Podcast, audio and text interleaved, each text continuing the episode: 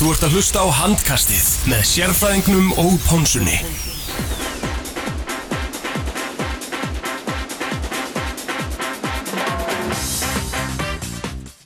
Já, komið sæl og blessuð Handgasti heilsergur hér á þessu glæsilega 15. kvöldi, það er Ponsan sem er með ykkur hérna í kvöld og með mér eins og áður, Arnandað Arnarsson sérfræðingurinn og stórglæsilegu gestur, það er Þorgjörður Anna Alladóttir Tokka, velkomin Tokka Takk fyrir, kærlega. Arnandað, við erum hérna eins og áður í bóði í bóði Coolbet, í samstarfi áttuna í New Balance stúdíánu, en það er auka spons á þennan þátt. Það er allt í spæjarhönni Já, uh, betur, betur þekkt undir nafninu Mizuno. Mizuno er held ég að sponsa þetta. Já, Mizuno og ásand undir armor eða ekki? Mizuno, Já. það er frá Japan. Japan. Japan! Já, að ég googla? Ég að Ég get ég sagt ykkur það hérna, ég æfi engun nema þessi undir armor sko. Er, og þegar ég var í boltanum þá spilaði ég bara í Mizuno. Þú ekkert búin að dúlur að æfa reyndar þessa vikuna en það er Já, ég tók, tók glæsilega einhver á í, í, í undir armor Tokkan, ef þú spilaði Mizuno á það? Já, ég hef átt nokkur Mizuno-pör. Þetta er þetta gegg, geggjaði skor. Já, ég fíla það mjög, mjög vel. Er, er, maður hoppar herri í þeim. Já, ég er ekki frá því. Það væri nú, þú veist, það væri kannski hægt að tróða fjaraðpostinu mundi eða þú ert í Mizuno Það fyrir eftir hvað hvaða mánu það þetta Já, gefur út nákvæmlega, nákvæmlega Er það tóka síðast og vestina, þá var ég vant við látin Já, Varst, Varstu spurg hvað var upp á slæðin með áttunni? nei. Hvað er, greinlega. já, hvað er upp á slæðin með áttunni? Þetta er erfitt. Þú ætlaði að það er kannski annað með þig en einarandræðin í síðustu ykkur sem vissi ekki hvað þetta var Þannig að þú ætti nú allan að geta valið um eitthvað Já, fæ ég að hugsa þetta aðeins? Nei, nei Ekki. Nei, mjög skrítið, við erum byrjuð ykkur um handbóltömmur að þú Heyrðu, ég neglir inn kom hérna í hvað mig. upp á slæðin með áttunni er sko Það sem kemur fyrst upp í huga er nei, nei. Já, það er alltaf það sem kemur fyrst upp í hugan sem Já. er upp á slæði sko. Ég er svolítið rugglast alltaf saman 8 og 12 0 sko ég, Mér finnst sumatíminn til þess að vera bara 8 sko Já, einmitt, það er glæsilegt lag sko. Heyri, heyri, það er hérna þétt askrá hjá okkur í kvöld Þannig að ef við ekki bara uh, vinda okkur í þetta. Hvað er að fara að gera þetta nú? Herri, við ætlum að fjalla um leik IR og FA Okay. Jólisteilskalla, svo ætlum við að fjalla um uh, hvað var ekki sjöndu ferði Jólistild uh, Kvenna. Jú. Svo ætlum við að velja úrvarslið Jólistilda Kvenna, fyrstu umferðar í rauninu fyrstu sjö umferðarna. Svo er Tokka búin að velja vonbröðalið Tóka var ég allar nótt að velja vonbreiðlið Og svo er bara eitthvað ímislegt léttmeti hérna. Það ætlum ekki að fara yfir stöðlana í- í- hjá Kúbet fröndum farið- okkar í Íslandi. Stuðlabergi og Herri, tölum aðeins um það.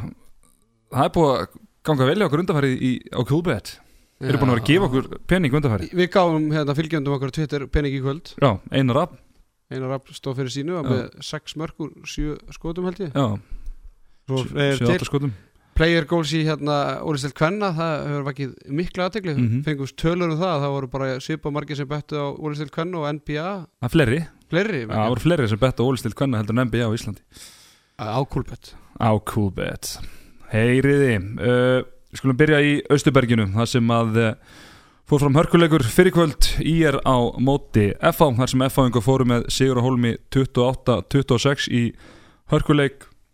Hjá í er var Björgur Þór Holgersson. Hann vaknaði til lífsins í síðustöðum fyrir og hann er heldur betur vaknaði til lífsins. Hann var með 10 mörg úr 16 skotum FH-ingunni réðu ekkert við hann sérstaklega framan að leik Kristján Óri Jóhansson með 5 mörg og Sveitn Jóhansson með 4 Steffi Nílsen með 11 bolta varðað í markinu sem gerir tæp 29% hjá FH Áspjöld Freyriksson dró vagnin eins og svo oft áður með 9 mörg Birgimár Birgisson hann heldur áfram að heilla með 6 mörg og Einar Árn Eðsson með eitt sinn besta leiki í vetur 6 mörg sömu leiðis Birgi Fannar Bragarsson með 13 bolta varðað í markinu sem gerir 33% uh, vöslu. Arnardæði, þú varst með mér þarna í Austuberginu þetta var bara uh, virkilega skemmtilegu leikur en, en F-háingarnir voru kannski með yfirhundina svona mest megnis. Já, þetta var í aft og hérna spennandi bara náttúrulega alla leikin það var svona kaplið þarna sem F-fangandi komast þreymörkum yfir fyrsta skipti þá svona var þetta svolítið erfitt fyrir íningarna þeir ná eiginlega aldrei, komast aldrei yfir í kjölfarið og er alltaf minkað niður í eitt mark og svo ná F-fangandi aftur í þrjú mark og, Ná, kom, komist í fjögur hérna, 22-80 minni já, mig. Og þá komum við þess að þrjú röð frá ír 2021 minnum en þetta var alltaf svona, þeir voru alltaf skrifan eftir eftir að missa á þreymörkum undir eh, fram úr sér og alltaf Bjarni Fridsson var, var að taka út leikbann. Mm Einar Hólkja sem var mættur hann á bekki með, með Bergfinn Þór Gíslason alltaf ekki með íringum og svo með Sveitnandri í fyrri hálfleik. Var það ekki ákveðið vendupunktur í leiknum þegar að þeir náttúrulega án Bergvins hann var bara hann flottur á, á HB stadstölfræðinni Sveitnandri byrjan að leika gríðalum krafti og þeir áttu í miklu vandræði með hann varna með FH og með fullri virðingu eins og maður byrjar alla setninga þegar maður er að fara að gaggrina eitthvað þá eru þessi leikmenn sem að koma þar og eftir bara langt í frá að vera í sama klassa. Já, hann átti Arnur Guðmundsson. En- þetta er kannski þessi punktu er kannski ekki vendupunkturinn en þegar leið á leikin þá hafði þetta mikil áhrif og, og hérna bara hræðilegt fyrir ég er að missa hann í þessu leik því að með hann inn á þá hefði þeir líklega geta landa einu eða tömur stigum og útkoman hjá í er eftir sex umferðir þrjú stig. Þetta er langt í frá að vera það sem þeir voru að vonast eftir í, eða fyrir tímabilið sko. Mm algjörlega. Uh, Björgun Holgensson hann er hann byrjaði tímabilið rólega getur við sagt. Það var ekki fyrir hann að valinu vombriðalið í hangastinu. Hann var alveg vonbræðilega við hangastinu og, og átti fína leik fyrir norðan en hann var gjössalega geggjár ég veit ekki hvernig, er, mér finnst hann einhvern veginn alltaf vera góður á, á, á móti FH en þeir réðu bara ekkert við hann. Nein, hann var bara hann var að taka þetta þrjáleikmenn stundum í einu og, og skora þetta einhvern, í einhver ringjum og ég veit ekki hvað og hvað og það er bara enn og aftur útrúlega hvernig ég er nær bara ekki í, í stig mm -hmm. þrátt fyrir góðar einstaklings fram, framvistu hjá kannski einu, tveimur leikmennum í hverjum leik og það bara er ekki að, að duga sko. en það er enda reitt í þessu hann uh, í, hvað var að koma með sjömörki hálfleik held ég Það var nú svolítið þreyttur í, þre, og ég minna það kannski líka eru náttúrulega ekki með Bergvin, Bergvin og Sveinandra þá náttúrulega kannski minna sigrun til að rúla honum hann er klálega þurr kvild til að geta verið í, í toppstandi þegar að hérna uh, mest, lá, mest lá við en aðtiklisverð tölfræði sem ég sá hérna á HB Stats ég frábæri síðu. FH var einingis með tvær löglega stöðanir í fyrirháleik þannig að þetta voru nú kannski það var nú kannski að þeir voru ekkert að gera um þetta neitt svakalega erfitt fyrir á, á köflum. Nei, ég meina, hvað er, hvað er staðan í hálfleik? Í kringum hvað, 15-14 eða ekki? Hann ætla bara að marka mínútuna náðast hjá, hjá þeim og, og hérna já, þetta var Nei, ég, ég, ég gerði þetta bara vel í fyrirhálleik fannst mér sko. Mm -hmm. Og hérna, og Björgvin var bara óstöðandi og, og sveit, eins og segir Sveit uh, þeir voru að fá mark úr, úr hotnunum og ég veit ekki hvort að það var svona vantaði svona stemmingu bara bæði liði varnarlega. Það var svona, ég er ekki var líka slitnir og bæði liði að reyna að verjast framalega og það var svona, þá, náðu sérstaklega í ára að segja framalega þá voru F-fangarnir svolítið að klippa sér í gegn og svo samanskapi þegar F fór að segja framar þá voru íringarnir að, að ná að spæla sér í gegn og Sveit Jóhans var að fá færi og, Gústi Birgis var líka hætt líka færi á línunni þannig að, að svona, þetta var leikur sóknarliða. Mm algjörlega. Uh, við höfum svona talað um það eins og með F-fólið að uh, Dóri hefur verið svolítið faststeldin á, á þá leikmenn sem hann er að sem hann er að nota og einn af þeim sem hefur bara fengið að verma bekkin og, og, og það frekar mikið vetur er Einar Sindrason. Einar Sindrason en hann átti og kannski ásamt Arnari fyrir guðmu sinni þó hann sé kannski ekki í sama klassa og, og sveitnandri þá áttu þessi stráka bara nokkuð svolít innkomur Já, ég meina Einar kannski gerir ekki mikið en hann er með hann er opna og þú veist Já, hann er góður hefingar og ná þessu sendingum yfir á hérna, Birgi í hotninu og, en af hverju, er, af hverju fekk Einar sensin? Já, það er góð spurning. Er það út af einhverjum er, að, er ekki að standa sig? Það er öllu líkindum. Það er einn úr Lavalsi Akademíunni, hann hefur vægasagt valdi vonbreiðum, Bjarni Óför og hann var ekki að, hann, hann byrja hennar leik, 0 mörg og 2 skotum.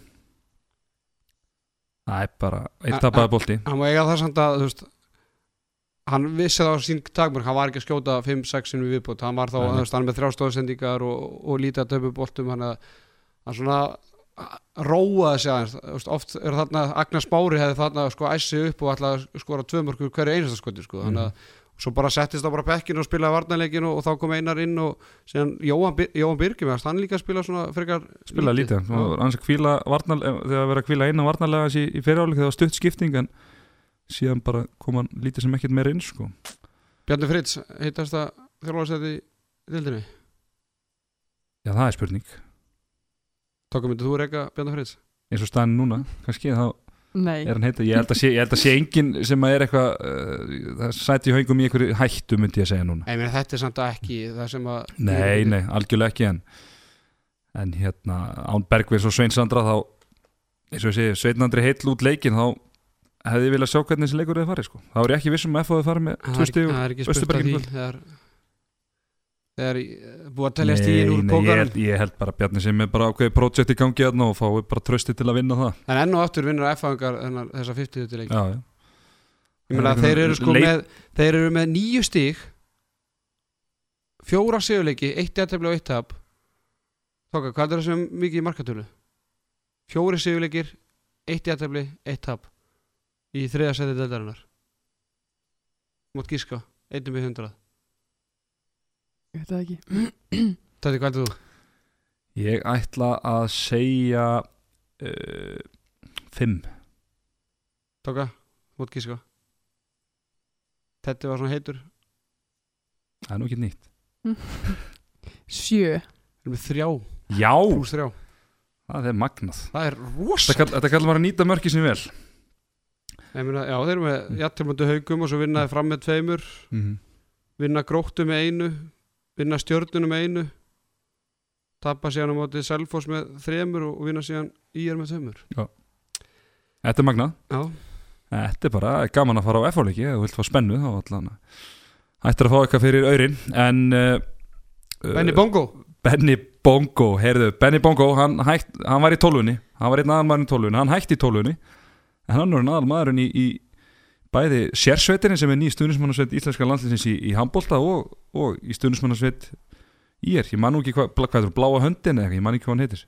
Það er eitthvað svo ég er ekki alveg Ekki bláa spjaldið? Bláa spjaldi, ég er ekki alveg klárað en, en hann var glæsilur, hann var eins og hérna, hann var að fara að leiki í, í YMCA-vídeóinu eitthvað glæsilegan, hann var glæsilegan svona, Hvað heitir félagann sem var með löggu húnna? Benny var með lögu húi Er það það er Ben- það er Bongo. Það er Benny Bongo. Og hann talaði alltaf um að uh, þegar það voru ykkur, hann vildi meina að það væri dómaraminsing þá talaði um að það væri lögreglumál. Að Pónsson hefði gaman að því maður. Djöfitt, Benny Bongo, því líkur King Það er eitt sem ég ætla að spyrja? En það- Þetta rauðarspjöld og Elias s- já, ég fannst skrítið á þetta að Anton, það er hann stoppa tíman sko. Anton sér þetta, stoppa tíman vill síðan fá að ræða við hérna, meðdómari sinn. Mm og svo er bara raut já ég, eins og ég segi, maður þurfti og að fá sér Jónas á dáttur benti síðan alltaf á bara Anton að þegar leikmennu vildi fá svör þá benta bara á Anton hafi tekið ákvörðinu já, já, en það er nú bara eins og línan hefur verið sko, en mér fannst þetta nú fyrir mitt leiti finnst mér rosalega hart að gefa raut á þetta en eins og rauðarspildi á Svenna í lókin það var eiginlega bara, það var klárt sko Og hvað, eitt hérna, Mm. eitt viðbútt senasta Ertu með eitthvað meira? Nei. Þegar Aron fer, hérna, Aron Ægis fer tvær mjöndur þegar hann brýtur á einar einar það dettur á hann, Já, svo ræðst eða einar svona ógnandi ógnandi hæðun og fer ekki neitt. Nei, nei. ég veit það ekki, var það Ég ekki vil bara hafa tvær á eina þannig Já, já, Ég er ekki að vera ekki sátur þá var, þá var hann Einar Rafn Reyðsson Hann var mjög reyður á því augn- augnabliki Já, En hann góður þessu leik, já það var hans besti leikur Svo far, far Kærlega fyrir peningi sem hann gaf okkur. Já, sex mörg og, og rætt á skotum og, og sjúsköpu færi. Það er sem Virkilega skilur gert. ólýst til kallan en enginn að hlusta á það. Nei, nei, þetta er þessi þáttur er til einhver skvísunum í ólistild hvenna Tóka, Skvísunum, hvað voru komna með? Kellingarnar, kellingunum, Nei, ekki kettlingarnar Við vorum komið að hvað Drott- síðast. Drólunum gellurnar. Gellunar Er það ekki skar, skarinn skvísunar? Gellur, Gellurnar. ég- það minnum alltaf Svona- eitthvað fisk. Gella og gaur. Var það Hvernig ekki? borðað þú síðast fisk Var það ekki svona niðurstaðan? okkar vil Gær Herðu, við skulum fara yfir sjöndum fyrirna Þar fár fram uh, leikur Norðanheiða. Það fóru fjóri leiki fram, heilum Það fóru fjóru, fjóru leiki fram En við skulum byrja að fara yfir leikin sem fór fram Norðanheiða. Það er Káa Þór á móti fram. Og það voru senur í Káa heimilinu Því að Káa Þór vann fram 24 Vængbróti leið fram. 23 Vængbrótið lið fram, við tökum þá umræðu á eftir. Þá er einhverju sem voru ekki ánæðir með, með, með svona, hvað- það orðalag getur við sagt en Marta Hermannsdóttir þvílík tímabil sem hún er eiga, hún er með 8 mörg uh, Anna Þyri Halldórsdóttir sem fekk tækifæra á línni með 5 mörg og 5 skotum og Sóli Lára Kristjánsdóttir með 4 en þurfti reyndar heil 16 skoti þess. Ekki nema. Olgíki Andriasevits með 10 vara bolta eða 30% morgæslu, hún er búin að eiga fínt tímabil. Uh, hjá fram var Ragnar Júlistóttir með 7 mörg úr 16 skotum, Þór Rósa með 4 sem og 11 Þóra Arnardóttir í markinu. Erla Rós Simansdóttir með nývarinn eða 29% uh, vöslu uh, tókum lengur að spyrja þig er þetta eðlileg úrslit með að við að fram er án Karinar og Steinar eða er þetta skandal Ég myndi segja skandal Káali, þar eru Ok, Káþór Sjúfú og var að passa þér maður ha. Sæfa Péturs að hlusta. Bjargaði mér fyrir hotana sá Péturs held ég að vera mjánað með Já, kallað já. Já, þær eru mjög sterkar og ég held að sé mjög erfitt að koma í káheimili og spila móti þeim og þær hafa líka verið kannski á smá runni og kannski komið sem óvart í byrjun en ég tel klárlega uh, að þetta sé skandall að framstelpunum að næla ekki sigur þarna þó að þær hafi verið líkil manna En ég er nægilega breytt í þessu framlið Nei, en það á ekki að skipta svona ótrúlega miklu máli. Ég held að hafi kannski verið smá kærilis líka í gangi. Það er farið til aðgurar, það er rútuferð og það er allir mispeppaðir í þessu rútuferð og þetta er ekki skemmtileg rútuferð. Og það held ég bara svona drægi niður kannski hann stemminguna og þú ert bara svona verður einhvern veginn kærileysari og kannski nennir þessu ekki jafn mikið. En það er svona, Og ég held Ný líka tilfinning. að þó að leikmenn nummer 10, 11, 12, 13, 14 hjá fram sé ekki hátt skrifaðar þá held ég að ef þær myndu koma sér inn í K.A. Þór þá væri það líklega að byrja í K.A. Þór já, þetta er ekki, þetta er ekki jólasinnar sko sem Nei, eru nei. að bekknum hann. En, það má samt ekki taka því að K.A. Þór er bara það eru ótrúlega skipulaðar og það er vita, vita sín takmörk það er sko oftast er það mjög lítið skora í leikjuna þeirra, það er Mhm. að spila langa sóknir og spila góða vörn Mhm. Erlendi markmaður þeirra er bara þrjusu góð og hérna þannig að auðvitað er þetta sko ég, ég mani ég var alltaf að segja skandall í fyrra í Akraborgin og Gaupi sko húðskama mig fyrir að segja þetta maður hafa ekki að segja skandall það er hérna það er mjög stórt orð í hans huga. Þetta eru mikil vombriði Það er líka eftir orðað þannig. en, en hérna Læri fariðið Guðjón Guðmundsson. En þú veist þegar þegar við vissum þetta að Karin og, og Steinu voru ekki með mm þá vorum við nú ekki lengi að setja peningin okkar ákáð þór. Við getum alveg vikend það Já, eða, að bæði ákáður og, og eins að ef að framundi vinna þá er það með Vinna mjög litlum já, Já. mjög litlum mun. En þannig að þú veist Mhm.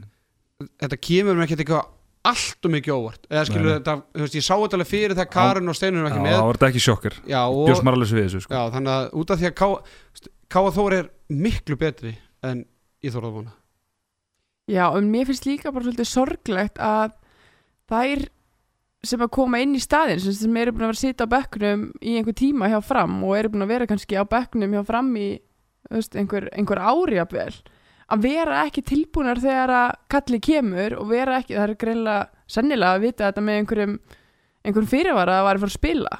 Að gýrar þið þá ekki í gang og, og gerir þitt besta til að vinna þér mögulega inn eitthvað hlutverk í liðinu? Ég minna bara eins og annað þegar ég haldur svo til að gera línumann sem fætt árið 2001 hún kemur inn á út af því er. Káraþór hann skora segumarkið og er með fimm mörg úr, úr, Mhm. úr fimm skotum. Þannig að en, en talandi um þess að leikmenn sem eru á bekknum þú veit, uh, eru þær bara uh, sáttar við að vera á þú veist, spila svona lítið með fram?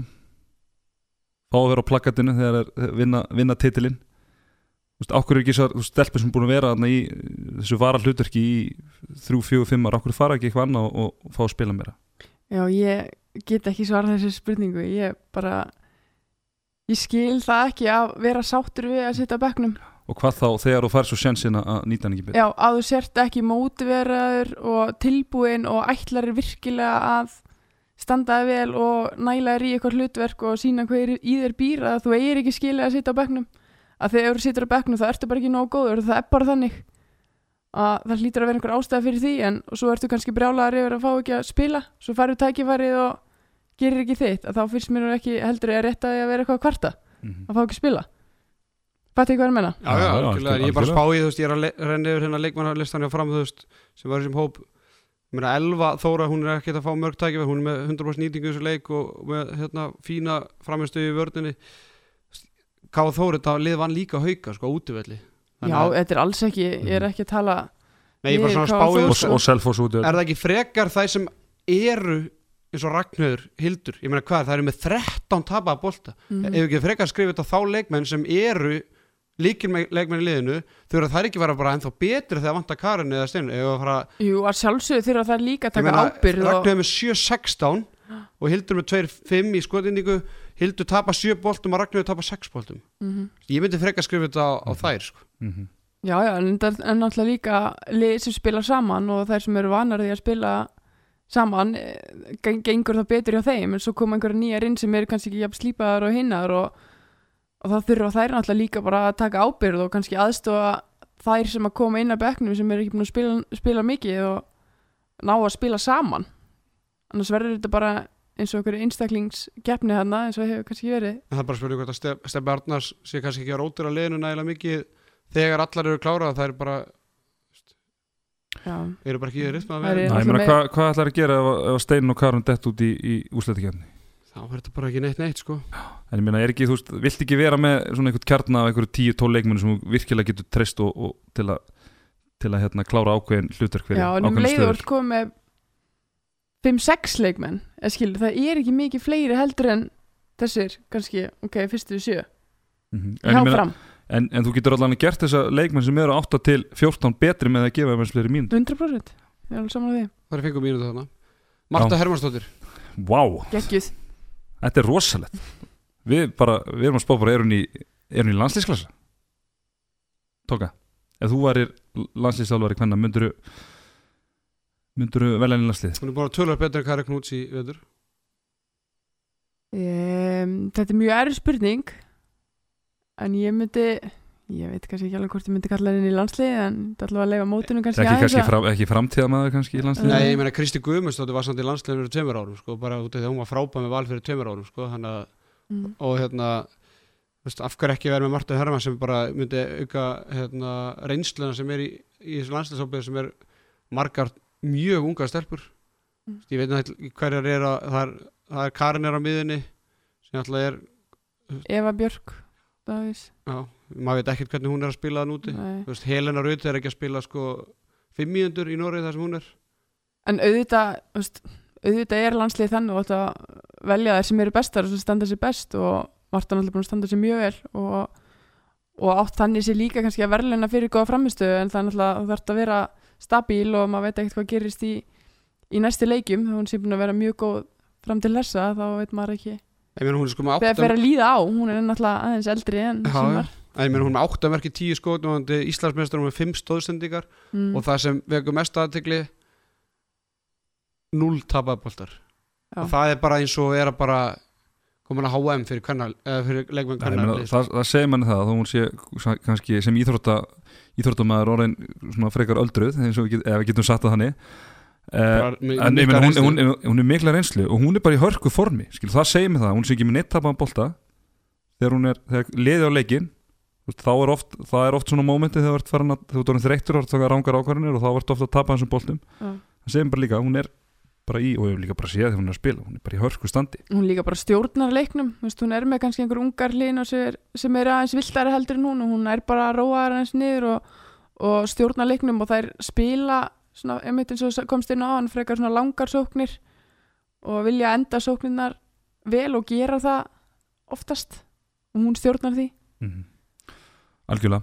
Herðu það, hérna, Sæfa Pétursson herra Káa mikill meistari, líklega harrasti Káa maður sem, sem til hann er allt í öllu þarna. Ég var á fótbollamóti þarna með dóttur mínu sumar, það var hann að dæma bara eitt leikinn og hann, hann, hann fer í öll hlutverk þarna, hann uh, velti fyrir sér, það var eh, fyrirsögn á vísi eða, Ambjörn. björn, já, að uh, vangbrotnir framarar töpu á Akureyri. Og hann spurði og, og takkaði okkur á, á Twitter uh, á sama tíma að vanta þrjá líkjamenn í K.A. Þór og þar að vera tvær sem voru í 20 í sumar og skipta gríðalegu máli á nýl, nýliðum við slýrði að vera að gefa Íslandsmeisturum svona afslátt allan daginn take Ja. it away Já, ég ég velti bara fyrir mér Þorger að þú ættir að velja leikilmenn í, í Káða Þór Er ekki Marta Hermannsdóttir leikilmaður mm -hmm. síðan er líklega markmaðurinn sem er búin að vera frábær leikilmaður Mm Hvað, hvað má maður titla margar leikilmenn í einu lið? Veist, er ekki alltaf yfirlega svona tveir já, kannski tveir, tveir, max þrýr já, myndi ég halda. Hann hann nefnir sko Aldísi sem er ekki búin að spila leik á tíðanbílum sko, hún er búin að mitt frá að tíðanbílum byrjaði sko, hefur farið að nefna þá Sigurbergur Jóhans líka eða þú veist, hefur farið að nefna Mhm. einhverja leikmenn sem, sem er ekki að sem fara er, að ó- sem er ólegt og mun vantilega ekki spila ég er neitt að segja það. Þannig að, mm -hmm. ég, meina þú veist já, mér fannst þetta bara ekkit af því að þú veist, veist bara eðlilegt að þegar Káa Þór vinnur fram þá er, er það glætti bara shit, hvað er að gerast í fram en svo þegar fólk veit að það er vangbróti það vantar steinur og kannu þá kannski ok, það er kannski skiljanlegt sko. Mhm. Þannig að mér, mér fannst bara ekkit að þessari fyrirsögnur og mér fannst þetta frekar bara að blaðmaður morgunblæs hafa verið að fræða lesendur sko. og það er nú líka bara yfirleitt í eðli þegar þú sér svona uppsett úslit þá yfirleitt svona byrjar á að pæli í sterkarlegin okkur það tapaði frekar um sko, ánum fyrir að rýna, rýna eitthvað nánar í hitt sko. þannig að hérna, já, ég er algjörlega sammála því þannig að Sævar er átt að hlusta þá er búið, búið að svara þér Við Eh, verðum eiginlega að tala lengur aðeins um Káa Þór út af því ég veit að Káamennir er alveg rosalega hérna, hörðinsárið þegar við tölum ekki næla mikið um Káa sko. já, ok, Tóka mig, þú ert nú upp hérna í Káamölu Já. getur, aðeins líst í bara hvernig Andrúslótti er í Káa og hvernig gólfið er og bara tala bara eitthvað um Káa í svona hálfa mínútu bara til að gefa Káamennum aðeins meiri hérna, Já, tíma eins og kom inn á áðan þá er Káaheimil mjög erfiður útvöllur og það er allavega í minni minningu er mjög mikil stemming í, í Káaheimilinu og, og bara akureyringar standa þétt saman. Þetta er svona kannski, kannski ekki alveg eins og fara til eiga en þetta er svona svipi stemming. Það er bara, þetta er bara erfiður útvöllur og það er bara það er passjón, þú sér bara passjón í eh, skína á hverju andliti. Og ég held að það skil, skiliðin bara ótrúlega langt og bara þessi líka. Norðlenska barátta. Norrlenska barátta. Leri- sjá, leri- sjá það líka þegar að þegar þeir eh, vinna þá er ég bara komið hérna hálft bæjarfélag inn á, inn á völlin algjörlega. Þetta er alveg Hérna núna ástríða. alltaf eitt þriða deildinni búið. Mm Mhm. Káa Þór er í, í fjórðasæti deildarnum áttasti, mörgsti og, og haukar. Það er alltaf bara ótrúlegt, ég var, ég var bara alltaf fyrir mig ég minna háka og það er með 60 sem nýlega eftir sjöumferðir ég var að hugsa bara í dag, ég glemdi nú að klára heimaðunna en síðan hvernig hafa nýlegar komið svona ríkra stertin í í nei, ég man ekki eftir í svona fljótu bræði En alltaf ekki langt síðan voru tvær deildir sko. Þetta hefur Mhm. alltaf yfirleitt bara verið ein deild sko. Mhm. En ég meina en það er líka sem hann gerir þetta svolítið skemmtilegt það getur í rauninu bara eins og búið að vera núna síðustu leikjum að það geta eiginlega bara allir unnið alla Mhm. en nú, þetta er samt, sko, þessi lið núna eru miklu sterkar en til dæmis gróta og, og fjölni voru í fyrra sko. já, algjörlega þá kannski fjölni var svona kropp og eitt stíð gróta var náttúrulega bara hotlvísu fóður hann í fyrra En, en hvað allir, allir munur sé að betri leginn sé orðið veikari og lélega leginn orðið betri það hlýtur að vera. Ég held að liðlega liðin sé hann aðeins betri. Já, en að samanskapi hlýtur þá betri leginn að vera aðeins veikari. Já, mitt, svona, þessi milligóðu lið er náttúrulega eins og Selfoss og Stjarnan sko, þeir eru náttúrulega tölvörslakarinn hafa verið undanferðin ár. Já, en ég veit ekki, er ekki fram kannski bara með, fram á valur kannski bara með Sip- Sippa Kaliber og í er náttúrulega mikið breytt mm en ég held að það eru náttúrulega mjög, mjög sterkar þó að sé mikið breytt sko og framliði nánast nánast eins og það var í fyrra en það er kannski aðalega hérna uh, stjarnan og Selfoss sem eru vonbriði og eru lagari en, en það eru voru í fyrra. Til Selfoss? Já, þá skulum við bara vinda því líkt, því líkt tengi kannar hjá þér, vel gert. Já, kallar mig búin að vera að vinna í Búin að fjölmiðlum. vera í Vestmannum, þar fóð fram leikur IPVAF og Selfoss, þar sem að IPVAF vann 25-21 bara eftir, bara hörkuleik getur við ekki sagt. Uh, Ester Orkarsdóttir markaðist með 8 mörg og Arnansi Pálsdóttir með 4 gerði það á fjórun skotum, Gunni Jenny með flottalegi markinu 16 bolta varði sem eru 43% uh, markaðsla hjá Selfoss, Perlarud Albrechtsdóttir markaðist með 6 mörg og Hrafnildur Hanna með 4, Katrin Ósk Magnúsdóttir með 11 bolta varða í markinu, tæplega 31 prósent. Uh, tóka Selfoss 11-7 yfir eftir 25 minnur og 13 nýja hálfleik. Mm -hmm. svo kemur 5 kabli hjá IBF sem breytir stöðin í 16-15 og þá snýst þetta þetta lítur að vera svolítið grátlegt fyrir selfisingara Já og sérstaklega komna með bara svona þokkarlega fórustu í fyrir áleik að það hefur maður haldið að það er myndi finna kannski smjörþefin að þetta væri mögulegt eftir kannski svolítið bröðsilega byrjun hjá þeim. Og Liði er búið að vera bara svona upp og niður eiginlega þannig að selfisingar hefði átt að vera bara með sjálfstyrsti í rauninni botni eftir hennar fyrráleik og ég veit ekki hvað fer hann úrskeiðis en ég myndi segja já, svekkjandi fyrir Selfoss úr því sem komið var Þetta er alveg svona típistur lið sem er með bara greinilega ekkert sjálfströst mm -hmm. markmiða með henni höruglega gleymst í annarkvært landuðurhöfni eða þorlókshöfn því að sko ég meina þú veist það eru, lend, eru 14-11 yfir í byrjun setnjáleiks fá þannig 5-1 kabla 16-15 og þá svona þá var þetta orðið anservitt og maður svona sá svona og ég ætla ekki að segja að það er brotnað en maður sá svona að kraftunum var ekki jafn mikill og þetta var ekki alveg jafn gaman eins og þetta væri fyrir áleik og, og Mhm. brekkan var orðin helviti brött þarna sko. Þetta var svona æ aftur. Já, Ennett leikurinn. En það er líka bara þegar þú kemur inn í setniháleik og þú ert með fóristu og þú ætlar að sjálfsögja að gefa í og vinna leikin og þú fær bara skell. Og það er ekkit allir sem geta að höndla það. Það eru bara virkilega góðir karakterar og liðsheild sem, sem að höndlar það. Og þær höndluðu það ekki á þessum tímapunkti og kannski bara því að þær eru ekki fullar sjálfströð sem svo staðan er núna að þá er þetta skellur að koma úr hliðinu og erfitt að vinna sér tilbaka úr því. Henn og aftur á, á líka bara perlar út perluleik, um að gera þannig Myndur þú segja að hún var í perlan í, í þessu liði Já, ég, og, ég myndi ekki vera feimið með að segja það en, mm. en ég hún, ég held bara ég held að hann sé eini leikmaðurinn sem getur verið ána með Já. sína framistu í sjálfhagsleginu bara í allan vetur sko. Mm hún er bara búin að vera yfirburða leikmaður í, í hérna, sjálfhagsleginu þrátt fyrir að Hrafnildar hann að sé markahest í, í deildinni? Hún er langt frá sínu besta Maður bara horfir á hana sko. Það ég er, menn það er ekkit málaður markahest og þú skýtur 350 sinni sko. Nei, Hún er rosalega mikið inni. Já, Það er alveg veist, Og sem og kannski Kristrún. Steinþórsdóttir. Bróðurinn er að gera glimrandi hluti í kallarleginu en, en hún er átt Hefur Kristúr Steinþórsdóttir. Þorgerður. Já. Hún er með eitt mark í senustu 19 skotum. Mm það er ekki góð þelfræði 07, 14, 08 Það er rosalega erfitt maður Það er spurning hvort þau ringjum ekki að pöntum sálfræðtíma hjá, fyrir greiði stelpuna sko. Já, þetta, Þetta, ég, ég meina, það er enginn að segja mér það að hún sofi vel á nóttinni sko. Nei, þetta, er, þetta er smá brass Þetta er Ég meina, er þetta ekki stelpa sem var hún var á landslýsangum í fyrra í hérna ólíksteldar úrvars hérna, bara verið algjör líkilmaður í þessu selfhúsliði já. Sérstaklega eftir, þegar Hrafnildur var ekki í fyrra og eftir hún Mm. krossmann þá var Kristún bara líkilmaður í þessu liði sko. já, algjörlega, ég veit ekki hvort að þú veist, nú náttúrulega Rafnildur komin og Kristján Fræ kannski meiri, nei minni hérna, minna traust og finnir fyrir kannski meiri samgefni og meiri pressu og ég veit ekki hvort að það sé að hafa einhver áhrif á hana Já, maður hefði kannski haldið að það myndi fyrir ekki að bara opna meira fyrir hann að, að heilið þetta að vera að passa Mm. meira dregur, dregur í Já. sig og svona sko. Já. þannig að þetta er rosalega skrítið en, en Arna Sif Bálstóttir, hún er búin að vera frábær hún er bara búin að vera búin að vera bara hárlega góð, hún var með sé í, bara- í fjóru skotum í þessum leik 100% nýting, hún er með 76% nýting í, í vetur ekki bara góð í, í sóknaldu líka í vörn þetta Mhm. var ágætis fengu fyrir eigalið Já, hvað var það? Var það ekki fyrsti, eða,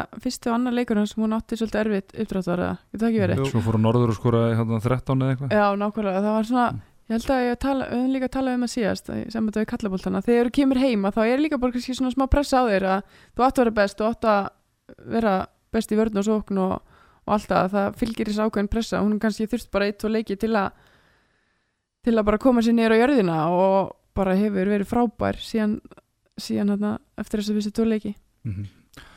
hún er að sína hún bara sína hún sé bara í landslýsklassa og, og, og vel rúmlega það. Algjörlega. IBF, þetta var ástæðan fyrir IBF Sotana hún er heldur betur að, að skila sínu. Og Ester Óskarsdóttir, hún er alltaf stendur alltaf fyrir sínu 8 mörg og, og 5 stóðsendingar Já, bara mikilvæg í, í þessu liði og hérna, bara líkilmaður í, í vörn og sókn og IBF liðin alltaf bara í, í þriða seti eftir sjö umferðir með nýju stig. Ég held að þær getur nú bara verið svona nokkuð sáttar en alltaf hundfúla með þetta hérna, tapa móti háká. Tapa heima þetta móti háká í annar umferðinni. Ég meina þær voru bara efstar með, með val hefur ekki tapa þeim leik á móti nýlöðunum sko, þannig að mm -hmm. ég held að svona heilt yfir þráttur þetta tap móti háká held að séu, séu nokkuð sátta bara með nýju stíði þriðja sætinu og, og svona ég er náttúrulega bara til við káa þóra og hauka það verður forvindilegt þegar við skoðum það, skoðum það tveir þriðja mótinu búið hvort að káa þóra ná að halda á dampi Já, það er náttúrulega, þú veist, kannski er þetta bara smá svona, ég ætla ekki að segja beginner's luck, en þú veist, það er að byrja svakalega vel, en það er spurning hvernig, hvernig lið verður, haldast allar heilar og eru þessi líki menn sem er að fara að halda út allt tímabili sem eru komin á aldur, að maður veit það ekki, þannig að það getur margt gerst. ég meina segjum að stjarnur og Selfoss blokki stig af HK og KK þór í annarufyrinni þá getur staðan orðið þannig bara að haukar íbjöða fram og valur verður bara öryggi úslitakefnina þegar við erum svona fimm umfyrir eftir Mhm. það gæti orðið spennandi það gæti, það gæti líka orðið mjög óspennandi já, Mhm. En þá getur líka orðið, það verður bara baróta í, í næri hlutunum, já, já, bara við vonum Já. það en, en Selfosslið, Já, Það ef er kannski eitt árinu við ljúkum á, það er eitt leikmaður sem er eiga bara nánast inni. Það er Karolina Barins. já, já, 11 mörg. Nú leiti þessu leik 52% skotendingi völdur. ég, sko, já 11 11 mörg úr hérna úr 52% nýtingu þannig að þetta er svona cirka 20 skot sem hún fær í þessu sjö leikjum Mhm. þannig að hún, ég var að hugsa, hún er greinlega fá ekki, hún fær ekki það fær ekki nægilega ná mörg skot. mikið nei, ég maður ég maður bara eftir Karolínu að taka kannski bara þrjú hraðaplöpi hverju leik sko já, Já, hún algjörlega er ekki fá þau heldur, Nei, sko. hún, er, hún, er ekki, hún er bara ekki fá skot sko ég meina, og svo náttúrulega þegar þú ert ekki að fá skot þá náttúrulega þarf það að býða lengur eftir færinu og ég meina Mhm. það kólnar eða Já. þú veist, missir Það er kannski, hausinn tekur eða kannski verri færi þá. já, eða bara ert ekki heiti eða bara ert ekki, Já. þú veist, þú er búin að býða kannski í 40 mínútur eftir að fá eitt færi og klikkar þá náttúrulega líður ekkert rosalega vel en, Mhm. en ég ætla ekki samt ekki að afsaka það að hún hafa náttúrulega ekki verið með- hún hafa verið með tölast betur nýtingu 52 en, en þær þurfa bara að fá miklu meira frá henni sko Já, ég held líka kannski, þú veist þegar hún fær sín hraðablaup bara ég þekki að spila með Karo þegar hún fær sín hraðablaup sem hún oftast skorur úr þá kemur líka bara sjálfströsti og tekur hún kannski þessi þrengri færi sem hún er kannski ekki að taka núna þegar hún fær svona fá færi og er ekki jafn heitt Mhm. ég held að það sé smá líkil í þessu líka. En það er klart mála að IBF á, á hana einu sko. Já, ég er alveg sammálað því. Með við núna að ræða Jú, það eru þrastur og, og, vel. og fjölskyldu Og, og, fjölskylduna, stór fjölskylduna. Já, ég meina þetta er lið sem ætlaði sér að fara í, í úrslutakefni það er ætlaði að berjast um sæti við jafnvel líklega hauka stjörnuna sjö umferðir búnar og þær eru með eitt stig.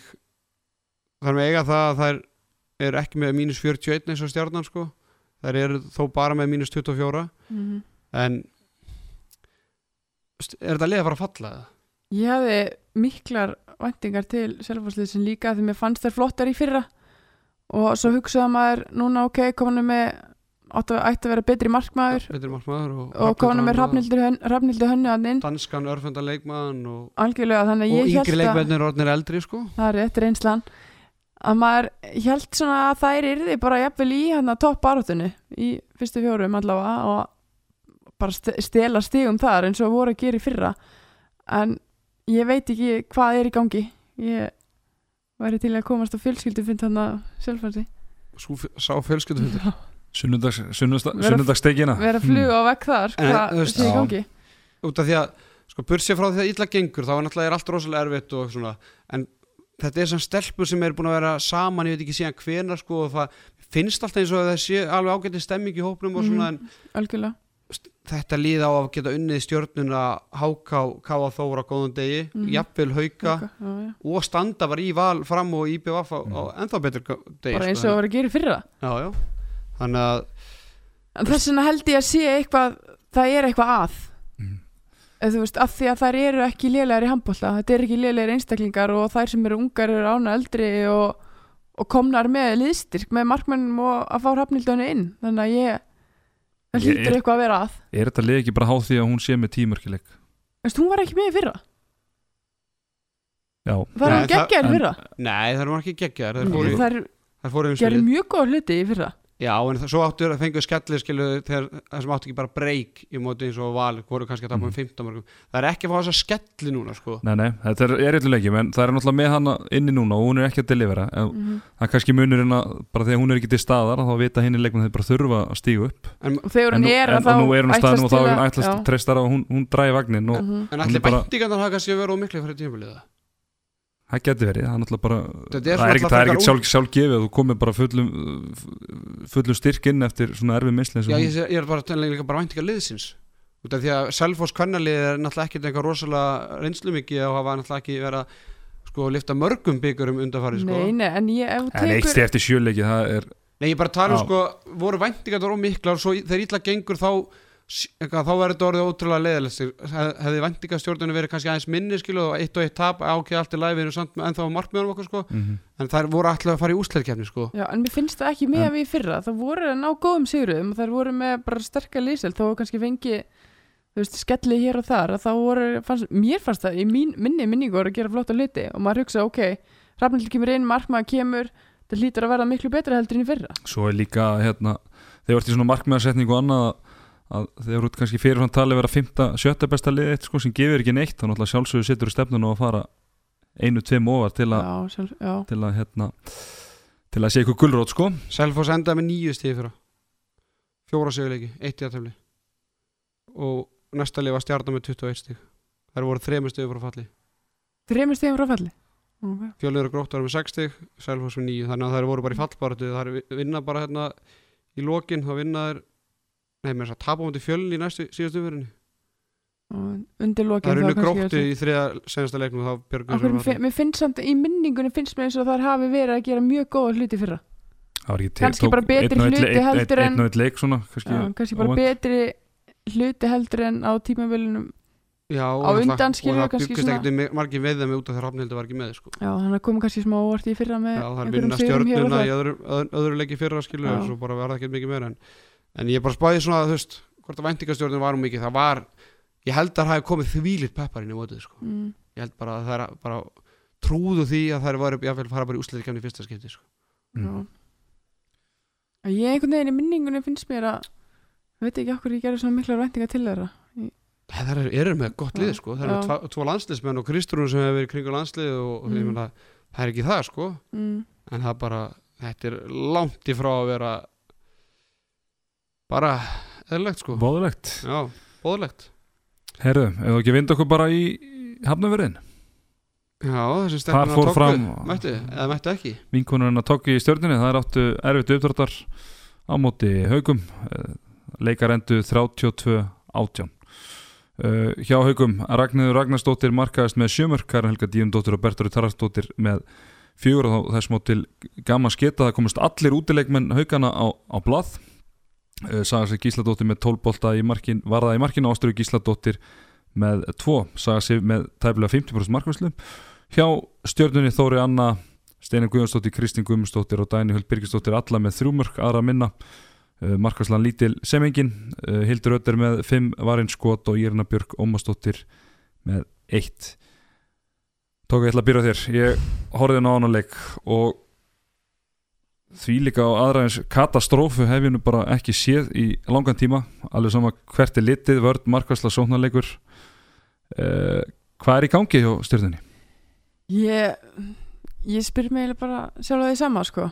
Mér fannst bara eftir fína leik á móti val ok, alveg kannski ekki að spila upp á sitt besta móti stjörnunni hann í síðustum fyrr að það bjóst maður við miklu meira heldur en þetta og þetta var bara vægt til orða tekið bara ræðilegt á öllum sviðum.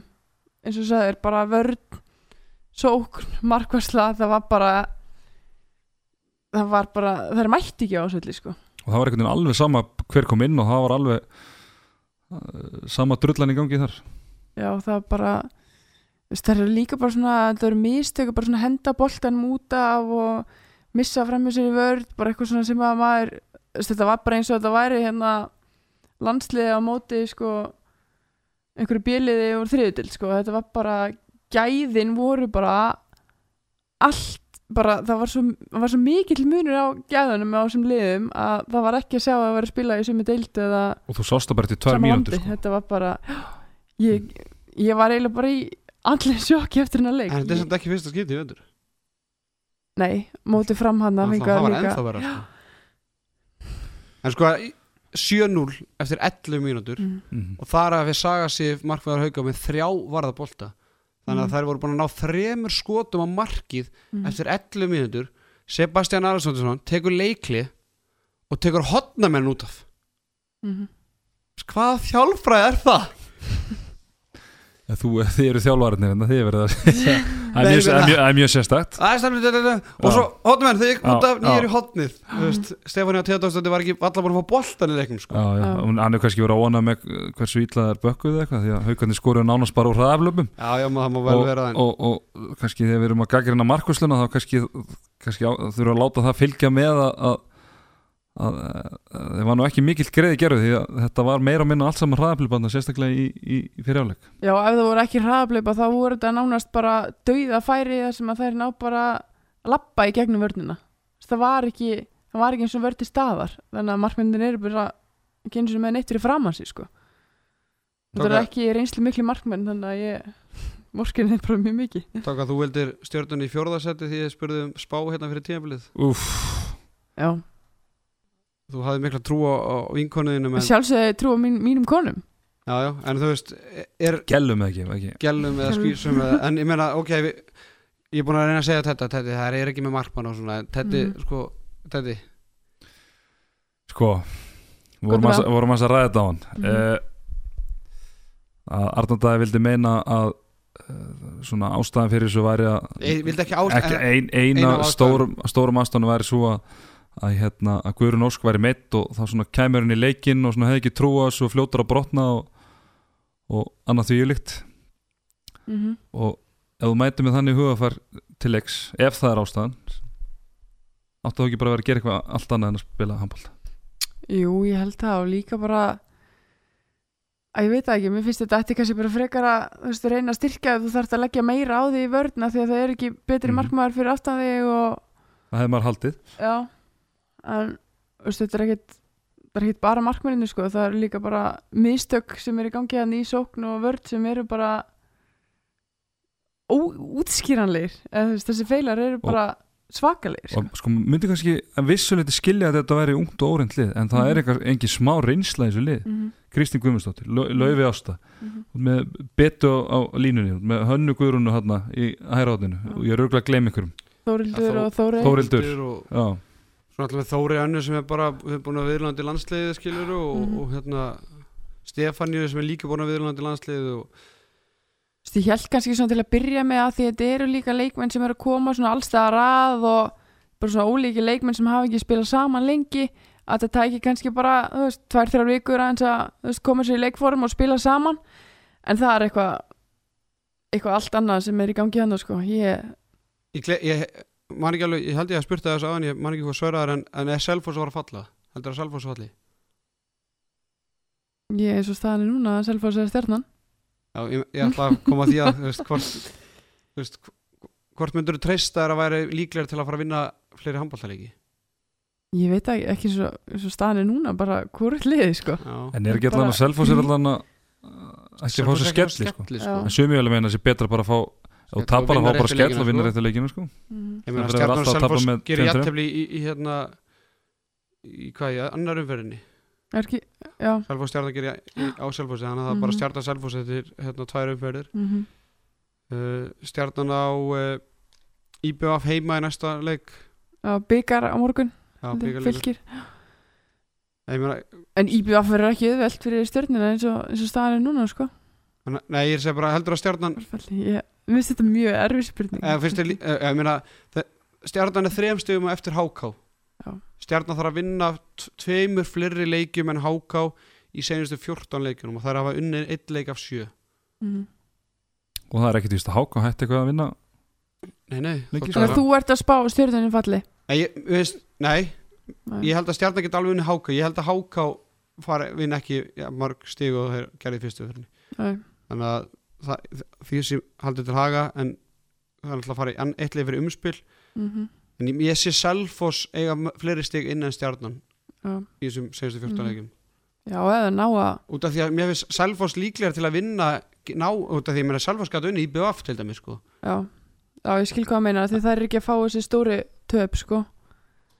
En eins og staðan er núna ef þetta heldur svona áfram í stjörnunni þá er það bara í hættu að falla. Það er bara svo leiðis algjörlega. Herðu, uh, bara einn spurning ég veit ekki tóka hvort ég að spyrja þig að þessu en, en, en ég bara varpu sér út uh, bara sæti hjá Basta og Rækjel er það orðið, er það volt eða bara sjóðandi heitt jafnvel? Á á ég að taka það. Þú ræður þú mátt ekki þetta er eitthvað dipló, bara segðu bara talaðu út. Já, já, ég hérna ég held að sé ekki sjóandi heitt en ég held að sé alveg gæti alveg verið smá volt en ég held líka að Basti hafi hann er með einhverjar hugmyndir fyrir ekki bara þetta tímabil. Skilju, hann er líka að hugsa næsta tímabil og það er smá svona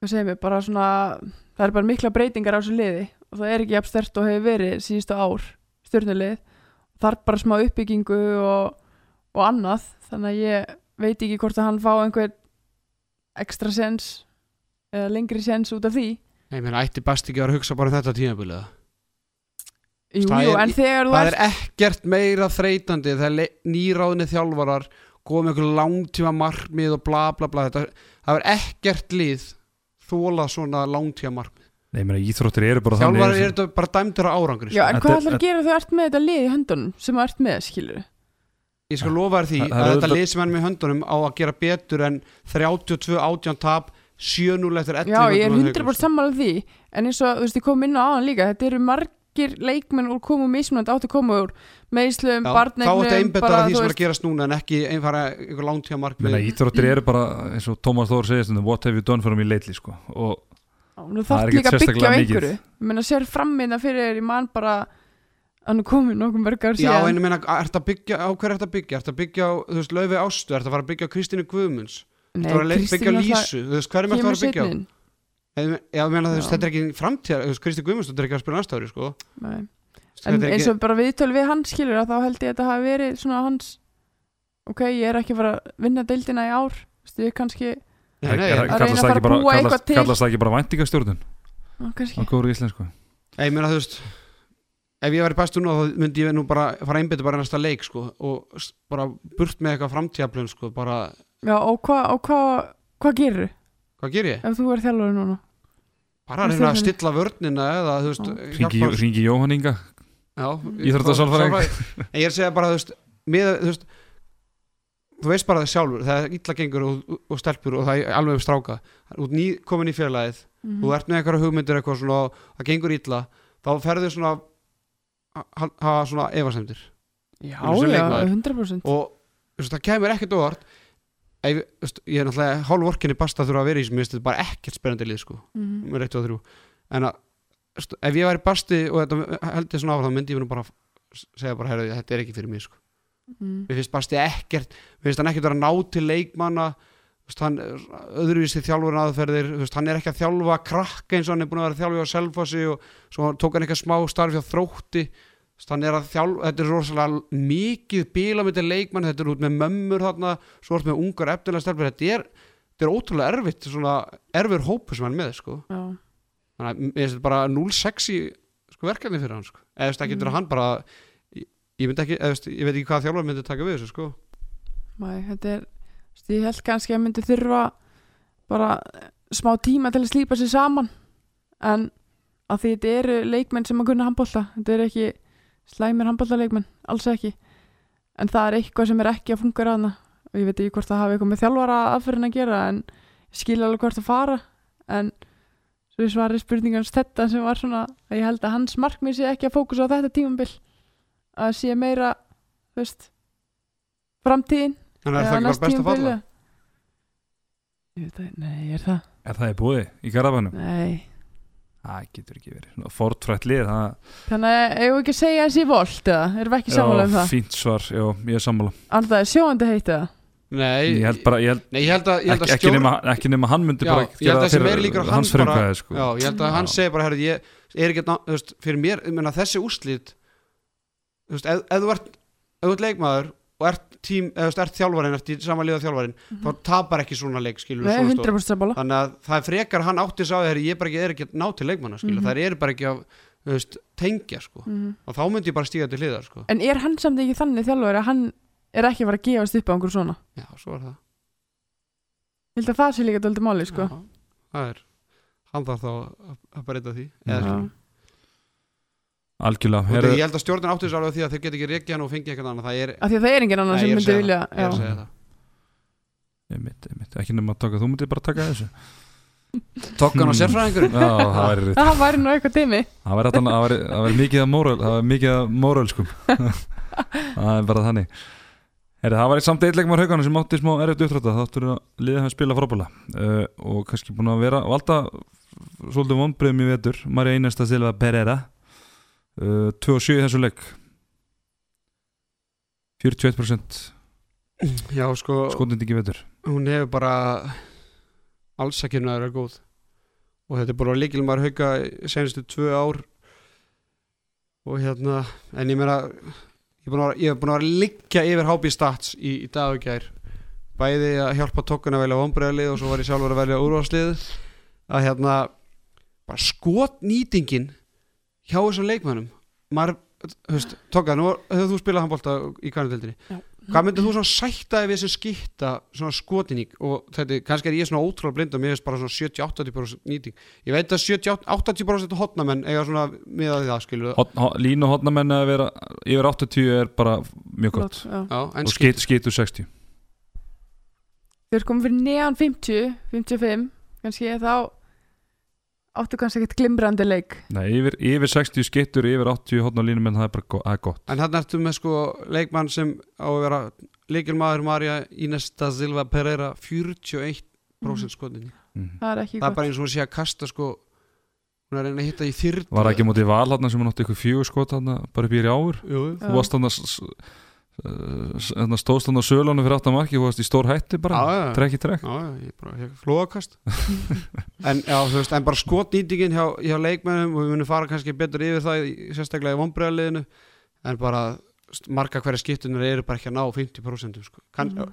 ok, er ekki að ná 60% Já, hotnamenn það er bara það er lítið að frétta hotnamannastöðu bara í, á Rosa. landinu á rosalega lítið sko. mm. Vinstri hotna þannig að maður veit ekki hvort maður er með gaggri, eða, sko, jú, þetta má gaggrina Mario en þú veist, þetta er kannski bara viðmiði sko. Eh, ég ætla ekki að segja 41% er viðmið Nei. Já, en ég þú meina kannski er hún bara með ákveði skotlefi og hún kannski kannski hefur skotlefi frá í fyrra sem var kannski að setja hans fleiri mörg og það er ekki að ég meina svo er Ramún er bara, Virka- þú veist hvað er hún sko Já. nei, ég meina, bara, hvað er hún annars sko bara gömul ég meina það er bara eins og það, þú veist já, það er bara eins og það náði ykkur kona elli heimili sko. Uh, Father Time, hann er búin að klukkana við getum kannski, já, all, bara, allan alveg að ná henni. hver allar að pikki hann og segja bara Ramún vil ekki bara fyrir að hætta þessu sko. Hún tekur eitt titil hann í, í vetur og segir þetta gott. Er haugarnar að taka til þetta? já, maður veit aldrei. Já, það töfrar úrslita keppnar kallið minn. Heru, það er eitt leikur eftir. Uh, hann fór fram á hlýjarenda sem að stelpundar hans Gústa Jó það er freka þægilan sigur 26-19 á, á nýlegum háká þar sem að Sandra Eilistóttir átti sinn besta leik í vetur held ég við getum alveg örgla sagt með 5 mörg og 5 skotum og Alna Molkova með 5 mörg sem er leiðis Íris Björk Símonadóttir með 15 skot varinn 50% markværslu og Chantal Pagel með 2 hjá HK var eins og eiginlega alltaf Díana Kristi Sigmarsdóttir markaðist með 8 mörg úr 15 skotum, Elva Arbjarnar með 3, Melkorka Mist með 5 bolta varða og Sunna Gurun Pétursdóttir Nei, Melkorka Mist með 6 og Sunna Pétursdóttir með e, 5 Annardaði þú varst á mæknum banna já, já, kongurinn á mæknum Kóngurinn á mæknum og gerðir glimrandi löku sögðu mér. Þeir sem voru á leiknum uh, var þetta ekki bara svona uh, þælur göngutúr í garðinu fyrir stelpunar að skústa? Jú, ég held að við þurfum ekki að há- segja mikið um þetta. Hákarlið er alltaf búið að vinna þrjáleiki í deildinni. Maður kannski bjóst við aðeins meiri spennu og, meiri hérna, orku í hákarliðin en 12-8 í háluleik þær mistaður fram úr sér hann í lok fyrir háluleik svo síðan var þetta bara aldrei spurning. Líkil menn Háka voru bara ekki ná, ná sér að strik. Makedóski landsleismárin Diana Jovanovska og með eitt mark úr sjö skotum. Díana enda með fjö, nei, átta mörk þar var skora hann fjögur senustu mörkin Rullstíma eins sem og vel kallar það ruslmörkin Já. þannig að veist, Elva Arinbjarnar var eiginlega bara svona feskust í, í liði háka hún fekk hann að tækifæri í skiptunni og, og var, var hérna öflug. Og Berglind Þorsteinsdóttir sem hefur verið svona viljandi í íslenska landslið var stóð sér vel í, í vörninu og er svona, svona næst, ég held að hún sé svona næsti svona, næsta svona steinubjós Mhm. Hún er svona ávaksinn og, og bara lætur, En hún er bara í vörnina, það ekki? jú hún er alveg bara í vörninu svona, Þessu svona, ég skil ekki eins og með svona ungar og efnilega stelpu var hún, hún var skýta, það jú, ekki? hún var skipta í Akkur ekki að, þú veist, ok, kannski reyna fyrir henni á línunni eða leifin að spila líka báðum megin af því að það er það sem við þurfum staðið fyrir eitthvað makedónska landslismann sko sem er með 1-7 og, og heitir Diana. Mér finnst það svolítið Þetta geggja nafn. Það er endar grjótart en, en já, ég þurfum ekki að hafa mikið. En alltaf bara Sandar Erlings loksins, loksins sko, 5 mörgur og 5 skotum og það er bara eitt úr vítum, mm þrjá stóðsendingar bara loksins sem var, komst aðeins í gegn og það var kannski út af að vörn Háká var kannski aðeins slitnar en varnir IBF fram Háká, þú veist, nei og Hauka. Þú veist, hún var svona ásvöldi erfiðleikum mótið sem betri vörnum finnst mér. Mhm. uh, Íris Björk náttúrulega bara geggju í markinu og, og líklega verður hún í úrvarsliðinu sem verður tilkynnt á eftir? Hver veit? Kem ekkert upp með það. Ég held að sé líka bara gott fyrir val að fá svona tiltölulega auðveldan leik og fá eins og söndri fá hennar bara almennilega í gang. Þannig að nú er svona byrjun að stressi og henni kannski farið. Já, þannig bara að ég, held að verði hættilega núna. Ég held að það verður svona þungu fargi að söndur létt eftir hann leik sko. algjörlega. Mhm. og En- þarf alltaf svona eitt, eitt góðan leik í nýli til að koma þér virkilega í gang. Segja störluðu staðnumtöka. Anna Úrsula varði þrjá bolta í hávörðinu það var helmingi farið en allir öll markvæsla stjórnarnum á þetta haugum. Já, það er 9,7 varðar einhvern hún er hún búin að eiga smá hérna, erfileikur sóknarlega en hún er náttúrulega bara Lang, hún er bara svo múr hérna í Já, vörðinni hún er, já, svona, ég held hún bara meir alveg vera svolítið slapp, slapp, slappur í sókninni ef að ef þú ert að spila svona varnar Já, hún tók að þú fyrirgefst. spila hann um önnum. Já, þú veist, Anna Hún var yfirleitt að skora á hraðablöpum og hún er ekkert að skora mikið í veður. Nei, kannski hún bara einblina meira á örðina Já, eða meiri púðri þar það ekki, líka bara komin á komin á aldur og færtusaldurinn hmm. með börn, það var kannski að hægist aðeins á henni það væri nú, annað væri óeðlett en, en Valur, það eru á toppi deildarar Já, Já. Gústi og hann skammaði okkur harkalega þegar að spáin kom út fyrir að sp- spá sér deildamestar tilli en reyndar eitt áðan sem við kannski glendum að, að uh, hérna, minnast á í eftirleik Káa Þórs og fram þegar vorum að fjallum hann áðan. Uh, fyrir tvemi fyrir síðan þá var umræði í gangi um að hvort að framfæri bara hreinlega taplust í gegnum út á mót. Mhm. það virkuði bara óstöðandi. Tvemi líka senna, það er búin að tapa tvemi í röð. Var það ekki, var ekki fyrirsögn í handkastun einhvern veginn að fara fram að tapa sér eða eitthvað? Já, það var eitthvað svo les Þannig að við heldur betur settum pressu á við jinx- við- við jinxum þetta. Nei, nei, við settum bara pressu á það Það er heldur betur stóð ekki fyrir því. Þannig að þetta æsir spennandi Íslandsmót, það er eiginlega bara okkur að þakka. Hvað er sagt. Hmm. en, en ég ætla bara að segja mína tilfinningu að þegar, þegar ég skoðaði núna stöðuna sá að Val var á toppnum. Ég bara, mér finnst Valu valla að fara í gang ennþá á mótinu sko. Já, þess vegna held ég að þessi leikur hafi verið mikilvægur hérna, Þá held ég að það er geti gert eh, margt og verði sko- þarna á topnum ef að mér finnst valstelpunar eiga miklu meira inni en framstelpunar sko. Já, ég er alls saman að því Mhm. Ragnar er bara pari, hún er með þessi 5-7 mörg úr 23 skotum sko, Mhm. á meðaltali og, og Hildur er ekkert mikið fyrir að skora og hún er með þessar 5-6 stóðsendingar í leik og, Mhm. jari, jari, jari Mhm. sko, Lóisa Tomsson Valur er hann inni, Valur er Íris Ástu inni, þú veist, hún er, Mhm. Íris Ástu var frábær undirbúrstifinu, Mhm. bara Díunu, og Dögg. Önnu úrsölu jafnvel sóknarlega. Já, Það eru svona flestar í valsliðinu bara svona þokkalegar já, einhvern veginn, að segja það er ekki lélegar, það er ekki góðar það er bara svona semi ég meina ef, ef Valur myndi hitt, hitt á topp dag Mhm. á móti liðs og Háká Selfoss, Stjörnunni. Ættu verið ekki þetta ætti að vera svona 10-15 marka sigur sko. Já. En En Lóis átti góðan leik hérna þar síðasta leik jú, hann var Já. alltaf hann rosalega að leika móti Stjörnunni þarna það sem var með Já. sjö klikka fyrstu fimm mínúndunum Það var sko. mjög vond En hérna, þú veist, hún er kannski svona aðeins að komast í gang Sandra er aðeins að koma núna og svo vandrar dínu og þá eru þær komnar á þokkulegt skrið held ég. Ef að- Myndirðu spáðum deildamestari deildum? Mér finnst það ekki geta unni fram. Mér finnst fram alltaf geta unni uh, Fram vinnur alltaf val. Já, ég Fimmleika serju Það geta unni fram. Ég er að tala núna bara deildina sko. Já, deildina bara, já, já, fram, já, Það nægir fram að vinna bara val innbyrði sko Þá, Já, ef að Þeir ekki nema, nema 100%. Karin og, og Steinun sé eitthvað frá þá. Já, hmm. Maður veit ekki, maður veit ekki. En er ekki bara komið gott á, á þessum leik? Jú, ég held að við þurfum lítið ekki hana, að lítið hana að ræða. Uh, Vinnu þáttarins Staði Lagstall, hann komið aðdeglisverða punkt á, á Twitter. Uh, Einn spennandi hans í ólistilt hvernig er búin að vera þá kalla einfallega eftir meiri gæðum. Það er varlega hægt að horfa á tvær sóknir röð á þess að liðin missa boltan og vandræðan hátt eða skjóta þrjámund ríður uh, langar hans að taka þennan bolta.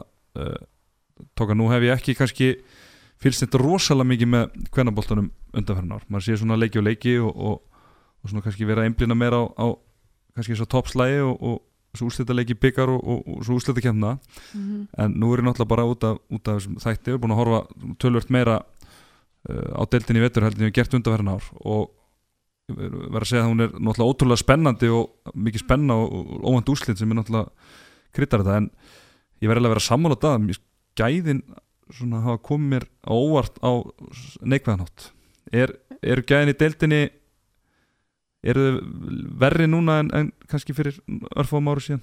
Já, ég held það sko. Ég hérna finnst bara sem svo bara á þessum fundum og fjölumjöla fundur fyrir þetta tímabil til dæmis við tala við þjálfara og þjálfara tala um að gæðin væri orðin svo mikil í deildinni og dyrði svo jamt og ok, þetta getur alveg verið jamt en það þýðir ekkit þannig sé Að- gæðin sé að þú veist, blómstra skilur Þetta er mjög svipað og kannski Pepsi-dild Karla í, í fótbolta þessum það var svona þessi sama umræða, það var ótrúlega spennandi mótið en það var kvarta svolítið við geðan Já, þú veist, þetta er ekki það er mjög sjaldan að sem þú segir við, um kvennarleik bara þetta var frábær handbóltalegur þetta var frábær auglýsing fyrir íslenskan kvennahandbólta það er mjög sjaldan sem að Það ég er ekki fyrir bara í úslita í miðinu bara kannski tvö Nei, ég er að bestu. segja eins og núna eftir þessa leiki sem er búin núna að þú getur ekki nefnt mér einn frábæran handbóltaleik sem er búin að horfa?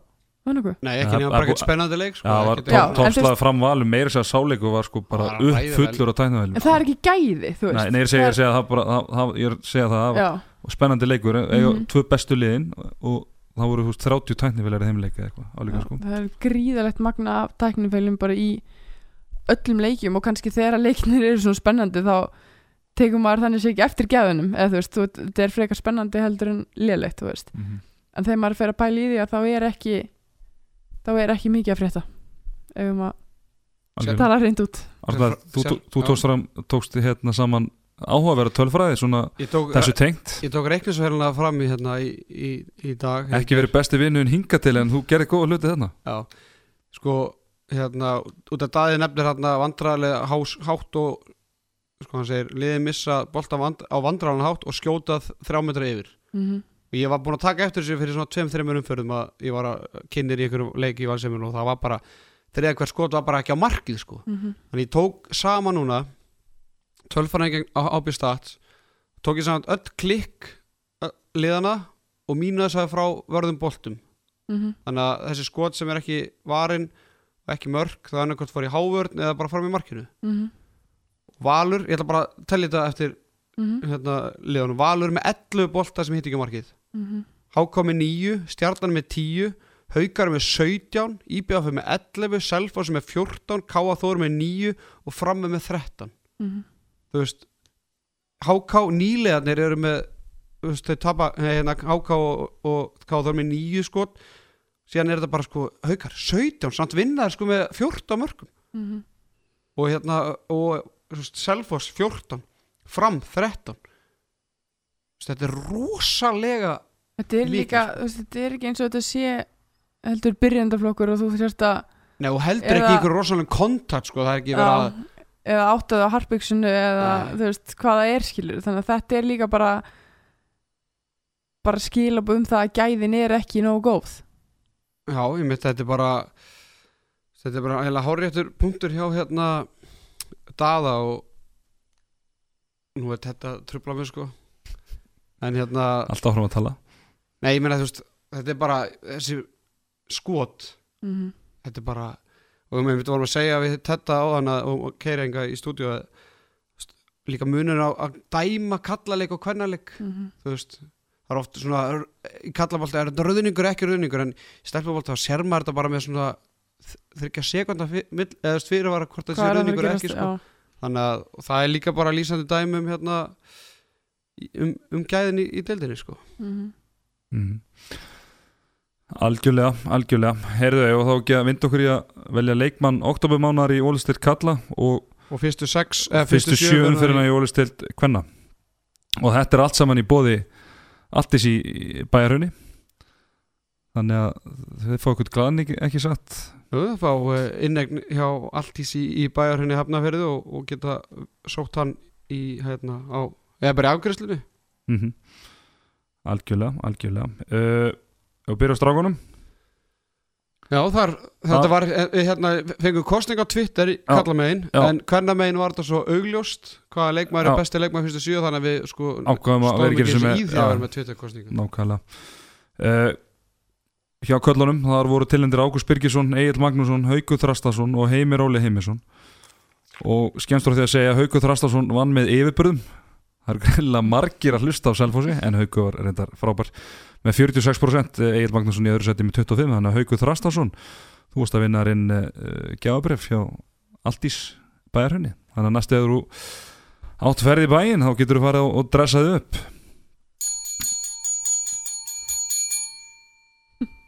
Hvernig varst þessi? Þetta var, já, já, þetta var áhugavert En heyrðu hjá konunum. Veitu, eh, ég ætla bara Tokka veit ekkert hver er leikmaður hérna fyrstu umferðar í Ólistild Kvenna en ég ætla samt bara að leifa henni að opibera hver er besti leikmaður Ólistild Kvenna á þess að vita að það er bara einn, einn leikmaður sem kemur til greina. Marta Hermannsdóttir. Já, já, Marta já, já. Hermannsdóttir er leikmaður uh, fyrstu sjö umferðar Ólistildar Kvenna að mati handkastins yes. búin að vera gjössanlega sturgluð Hún Það hefði verið slemt að við sett einhver einhvern annan Já, það leikmann. bara verið svekkjandi fyrir viðkomandi. Hefur verið satt lögði við ástæða Marta Hermansdóttir með hérna, hún er næst markaðist deildur með 54% nýtingu líkinn var í vörð og og, og bara frábær í, í alla staði, við viljum kalla hann inn í landslið Algjörlega Marta, næstu að þú átt uh, ferði í bæinn þá getur þú farið á allt í sí bæjarunni og dressaði upp þar til hamingju Marta og Haugur Allir Marta getur verið mamma sögs Allir klál, jú það ekki Ég held að sé alveg nóg mikið aldursminn nóg Hvað er Marta? 83? já, 82? já. Já, já Ekki hugmynd en ég segi bara já sko. Já, hún er 82-3 hann að, Já. já, þetta er Haugur 2001 þetta, þetta alveg svoleiðis reiknistæmi sem að svín gengur upp sko er, Ertu tilbúin með bettan eða? uh, Nei Það er úrvarslið Nei, ég var ekki, það var allt í hassi hérna í tækninni Þannig að hérna Þú er alveg bara að sy- syngja Ertu eitthvað bilar? Ertu, ertu að klikka? Þetta er eitthvað rugglar Við vorum að ræða þetta fyrir þáttin Það er bara tækninni að stríða okkur. Það er ok, þá er dyrinn, dyrinn, dyrinn. Þetta var þetta, þetta var stefið Úrvarslið fyrstu umferða ólistildar hvenna Markmaður. Sérfræðingur valdi og svo valdi tokka umbriðalið Það að er ekki rétt. Áfram gangið það. Það tekur alltaf langa tíma. Markmaður, markmaður það var auðvöld val Það var, Frekar auðvöld já, var svona Það var svona þrýr markmaður sem kom til greina en Íris var svona, Íris Björg Símöndóttir var undan hinnu tveimur hérna, með 42% markvæslu flest var í skot, flest var í víti í efsta liðinu. Fyrir mér var þetta já, lítil spurning en náttúrulega er ég, er náttúrulega valsari og þið munið taka til það þetta liðið er bara stútfullt af valsurum Jú, Tók er þetta ekki samanlega þessu? eða? Sjokur Algjörlega, það var spurning með hérna Káa Þór Já, Mhm. og Litchi og, svo, og Guðni Jenny náttúrulega búin að vera var líka. Já, frábæli En ég held að eftir sérstaklega eftir leikinni gerð með 100 framistu hennar þriðdæn 50 bara markvæslið þannig að Íris Björg Símundóttir er markverður úr, úrvarsliðs fyrstu umfæri í Jólistil Kvenna. Mhm. vinstur og hotnamaðurinn Það er Perlarud Albertsdóttir. Já, per, Perlan í Svona hvíta perlan Meðal svartara perla Já, í línumæður. Já, 6 mörg að meðatali 76% nýting 5 fríkustu varnarlega náttúrulega og, og bara er að fiska víti náttúrulega línunni og náttúrulega bara vinstur hotnarstaðan er bara ekki nægilega góð. Við vorum að vonast til að það myndi koma einn frá færum í höggalið sem myndi svona Mhm. hérna, auka hérna, gæðin í vinstur hotnum í þessari deildin heldur betur ekki þannig að við erum bara því meður að velja línumann í, í þessa stöðu. Hún og spila, það meðalansleina ekki líka? Jú, jú, og Já. líka einhvað með Selvors mm -hmm. Herru, vinstir skitta Þetta er svona Þetta er Hún ætla er í fram. Hún er með skotlefi. Mhm. Hún er búin að skora mörg mörg Já, hún er búin að skora mörg mörg og, og, og, við, og við erum að fara með fóröldurum hennar til Kölnar Final Four. Já, þannig að við verðum eiginlega að velja hana. Já. Þannig að Ragnar Júliusdóttir er, er vinstir skitta kannski ekki marga sem komið til greina. Uh, Lóisa Tomsson hún á mikið inni þannig að þú veist Marja í, í haugum hefur ekki getað neitt og, Kannski Ester hann að Já, Ester í BF, sennilega en hún Mhm. er alltaf líka svona slagsmiðjumar miðjumar já. þannig að Ragnar Júliusdóttir hún er svona eina, svona eina bátið þannig að já, já, hún er átt fínt svona, þú veist, hún, Já, er, já, sko, hún- hún er skora mikið hún skora mikið Rafnildur Hanna Þeir skora sem þóra er að skora en, en Ragnar er með þó með aðeins betri nýtingu þannig að mm -hmm. Herru, miðjumæðin það er náttúrulega bara leikmaður fyrstu sjöförðunar, Marta Mhm. Hermansdóttir Mhm. Þetta var eiginlega bara aldrei spurning Nei. Hún Þetta var auðvöldast af alveg Já. Það var fyrsta, fyrsta nafni á blað Já, hæri skitta, það kemur úr, úr hérna Garðabænum mm Þóri Anna. Áskeistóttir ég meina, ég var að tala um Ragnar Júlistóttur og núna Þóri Anna sem er í, í stjórninni sem hefur lítið sem ekkert getað Þóri Anna er bara búin að langbest í, í því liði talandi um Perla Rauð sé svona veist, eina perlan í, í því liði sko, þá er Þóri Anna eina Þóri Anna í, í stjórnarliðinu. Já, mér finnst hún búin að þó að stjórnin hafa ekki gengið vel að þá finnst mér hún hafa bætt sér mjög mikið síðan í fyrra. Og hún er áknari og hún er með betri skot. Og hún er hérna 6 mörka meðatali leik 51% nýtingu og er að leggja upp ykkur þrjú mörki meðatali leik þannig að, já, Mhm. þannig að hérna, Þóri Anna Áskistóttir er í, í úrvarsliðinu í hægri skittunni í hægra hotninu það er Þóri, Önnu Þórei Önnu Þóri, Þóri Rósa Stefansdóttir 5 mörka meðatali 60% skotindík ég meina ég meina 60% hægri Mhm. hotnumæður, landslismæður þetta er bara í alveg gæðin í deildinni sko. Já, já. Hún er samt búin að vera besti hæróðumæður já, klárlega hmm. og svo er það línumæðurinn sem var, það var sko línumæðurinn er Arnasi Pálsdóttir íbjöða með 6,3 mörka meðatali 76% skotinding.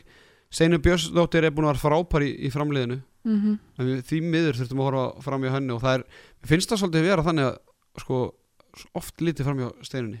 Eða skilur, það vita allir hver Steinun er. Mm -hmm. en það kemur að svona Hún er bara solid já, hún er bara alltaf góð mér finnst hún er bara betri sóknarlega núna en bara í, veist, hún alltaf hefur alltaf 11 verið í leik já, já, Já, hún var náttúrulega meira svona varnarlega í fyrra Já, og kom svona undir Lísa sko já, Já. kom undir lokin kannski hans berinn í só En Arnar Sif hefur bara verið frábær í, í bjöfliðinu og hérna stíði, eða bara betur og betur um hverju leiknum. mm -hmm. Uh, Varnarskiptingin, þá horfum við líka fram með steinunni.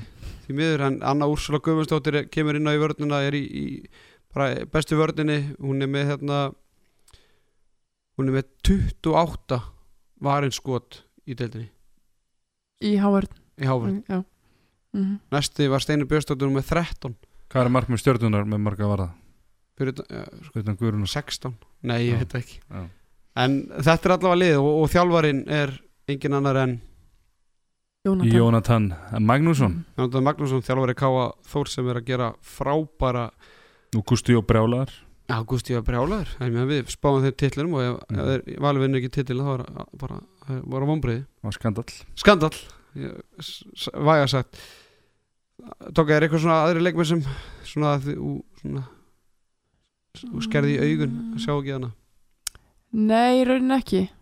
Ég, Perla er búin að vera flott með Selfoss og Þóri er búin að vera flott með stjórnina kannski svona sem fólk myndi kannski svona setja spurningamerki við og Perla ekki sinni stöðu en hún er búin að standa sig mjög vel og það eru bara ekki aðri vinstri hotnamenn þarna sem er að skili í raunin að vera þarna.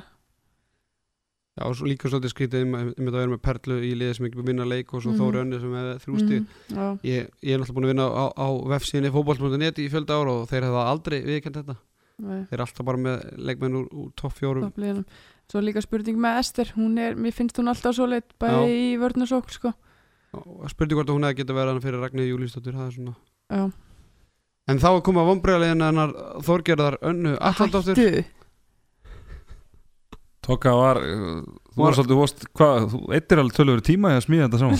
Það er ekki rétt. Ha, en þú vilt samt að ég lesi Ítla með veginn núna. Já, Við gerðum þetta bara í við það aðalega, aðalega, þú var samt með svona ef það var ef það var einhver vafi þá tókst þú loka ákvörðun og þá fekk svona þitt atkvæða að ráða. Ok, við skulum bara hafa þannig. Þetta þú vildi velja vonbreiðalegið þitt eða ekki? Vildi ég? já, ég, ég var að nefna að ætlum að velja vonbreiðalegið og þá sagði þú, já þetta er ekki flókið. Stjarnan, Það er bara stjarnar eitt já, og svo einn leikmaður eitthvað, þú sagði eitthvað sagði Hrafnildur Hanna og svo Rafn... Rafnundur Hannan og restinu stjörnuleginu en ég, ég Þorger Það því að sko, vombriðalið er ekki þeir sem eru búin að lélegastir heldur þá, þeir leikmenn sem við gerum miklar væntinga til en hafa ekki staðið undir þeim. Já, mm Þannig að það, það að vera í vombriðaliðinu, það er ekkit endilega stemt Ég minna á stjarnan er alveg vonbröða lið Já, Til þessa? Ef við ekki bara, 100%. ef við ekki bara kötta þetta núna?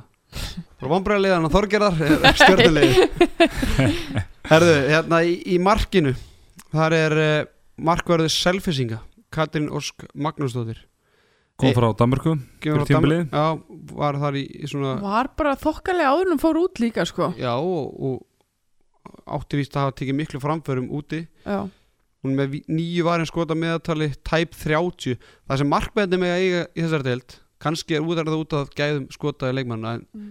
en ég meina tæp 30% markvæsla er bara það er ekkit að því sko ef við myndum vindið sem í kallaboltan sko. Nei, þannig að hún þarf nú ekkit að skamma sín fyrir framistöðunum sín í, í, í vetur, Mhm. hún er náttúrulega líka bara í neðsta liðinu og allt það en, en ég meina það er bara markverður í öðru liðum eru bara að standa sér betur. Já, ég er eða með já, sammála því. Uh, Vinstar Hot það voru svona tveir leikmenn sem hérna við vorum að velta fyrir okkur. Það var uh, Stefania Teodusdóttir í, í stjörnunni sem mm er svona í svipum svona vesen og, og Karolina Bærins í BF hún er bara kannski ekki að fá nægilega mörg skot. Mhm. Fekk fjölda tilvendinga já. En við ákveðum að velja færiska vinstri hotamann í haugum Turið Arge Samuelsen Dóttir Uniarki já, dóttir, einmitt. Sem tók læs skemmtilegt viðtal við Heimi Guðjónsson á Já. íslensku núna í vikunni. Hann er reyndar ekki rauðarður eins og Turið Nei, hann er svona rauði birkin. En og hún hún er hérna þrátt fyrir að hún sem er 66% nýtingu 2,6 marka meðatæli leik þá var gríðalegt hæp í kringum hana fyrir tímaflið Já, ég held við varum að fá bara einhvern sko, bara Speedy Gonzales. Já, veist, miða við lýsingarnar. Hvað hann var í hröð og mikið hraðablupsleikmaður ég hef búin að sjá einhverja tvoða þrjáleiki hjá hann ég hef alltaf síðan að taka upp hraðablup sko. Já, og líka eftir að hann var mætt á æfingar. Eða skilju, þegar það er haukar og bara aðrir sem hefur síðan á æfingum eða í já. voru að tala um hvað hann væri svakaleg. Ég bara, ég hef ekki séð það. Ég býð eftir ennþá býð ennþá eftir þessu svakalegu turit Já, hann að svona heilt, hún er eiginlega bara va- að valda vombröðum miða við hæpið. Já, Þú veist, hún Mhm. er alls ekki með lélustu nýtingu af vinstur og hotnum verið deildin og allt það en, en já, þetta er valdi vombröðum miða við hæpið sem við við vorum að búast til meiru Já, það er vinstri skittan Það er Laufi Ásta Guðmundsdóttir sem her- hefur bara vægasatt verið hrein hörmung í, í stjórnuleginni í hérna vetur. Veistu er með marga tapa bolta með til leik? Hvað var það, sex? Fimm. Já. Fimm tapaði boltar Að meðatali, meðatali mm. Eitt leikmaður. Já. Það er rosalegt. Ég held hún að það er með sjóandi haugum. Mm. Það er rosalega, hún næri ekki einu marki að meðatali í leik. Og skotindíkin. Haldi ykkur fast. 23% fyrir skipti fyrir skittu og, og svona, já bara leikmaður sem búin að vera Íslandsmeistar með gróttu og jú, jú, hún er að koma úr, úr, úr hérna, barspurði mm en ég meina, já, já, vissilega getur það tekið tekið tolla líkamannum og líkamann er ekkert eins á, á öllum og aðrir þurfa að vinna lengur úr, úr sínum álum og allt það en, en hún er samt mætt á parketti og er mætt í leiki að þá myndi maður halda að þú værir tilbúin í það þetta er þú tapar ekki þessi fimmboltum í einu tímambili Nei, kannski erfitt út línum maður sko er svona, ekki nema þegar ég fekk stundum að bera hann fram í hraðablöfum þá það var allar líkur að því. Það, Já. það er miðjumarinn, það er uh, frá Selfossi Kristrún Steinþórsdóttir.